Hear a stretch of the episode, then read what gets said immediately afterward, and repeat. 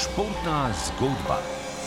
Slovenski košarkari so Evropsko prvenstvo včeraj začeli zmago nad Litvo z 92 proti 85. Aktualni evropski prvaki so zabeležili deseto zaporedno zmago na prvenstvih. O uvodnem dnevu tekmovanja po športni zgodbi Franci Paušer.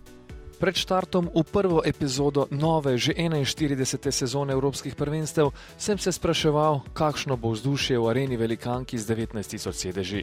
Kako napolniti takšno dvorano s tekmami, ko ne igra domače moštvo? A je bilo na dvoboju Slovenija-Litva fantastično vzdušje. Predvsej polna dvorana, tudi na vrhnem nadstropju, po moji oceni prek 10.000 gledalcev, med njimi skoraj polovica Litovcev, ter na oko vsaj 1000 Slovencev uradno pa je bilo prodanih 14.465 stopnic, vendar za dve tekmi skupaj, še za predhodno med Mačarsko ter Bosno in Hercegovino, a so nekateri po prvi tekmi odšli. Če je večina litovskih in slovenskih navijačev pripotovala na prvenstvo Kellen, pa so bili iz Bosne in Hercegovine večinoma že tam. Organizatori pa poskrbijo, da se vmes zavrti še kakšna pesem iz države, ki nastopa. Izmed slovenskih glasbenikov so tokrat zavrteli Bigfoot Mamo. Če omenim, da je tudi v Kölnu prišlo na tekmo predvsej gledalcev, ki so želeli uživo videti domiselne poteze unikatnega Luke Dončiča, se bom že ponavljal. A na tribunah je bilo, tako kot v Minhnu, ogromno Nemcev z dresom Luke Dončiča.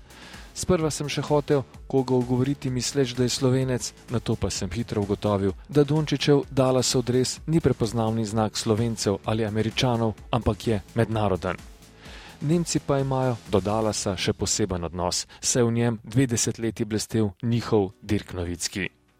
Včeraj so v Kölnu upokojili Dirkov reprezentančni dres, 14-tico, torej obrnjeni cifri od dirkovega dresa v Dallasu, kjer so pod strop obesili dres številko 41.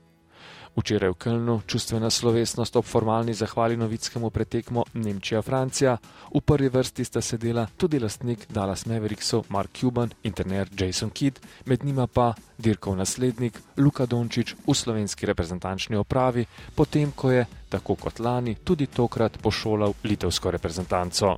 Dončić je imel tudi tokrat na tekmi vse niti v svojih rokah. Kontrolo nad soigravci, igro, nasprotniki, sodniki ter gledalci.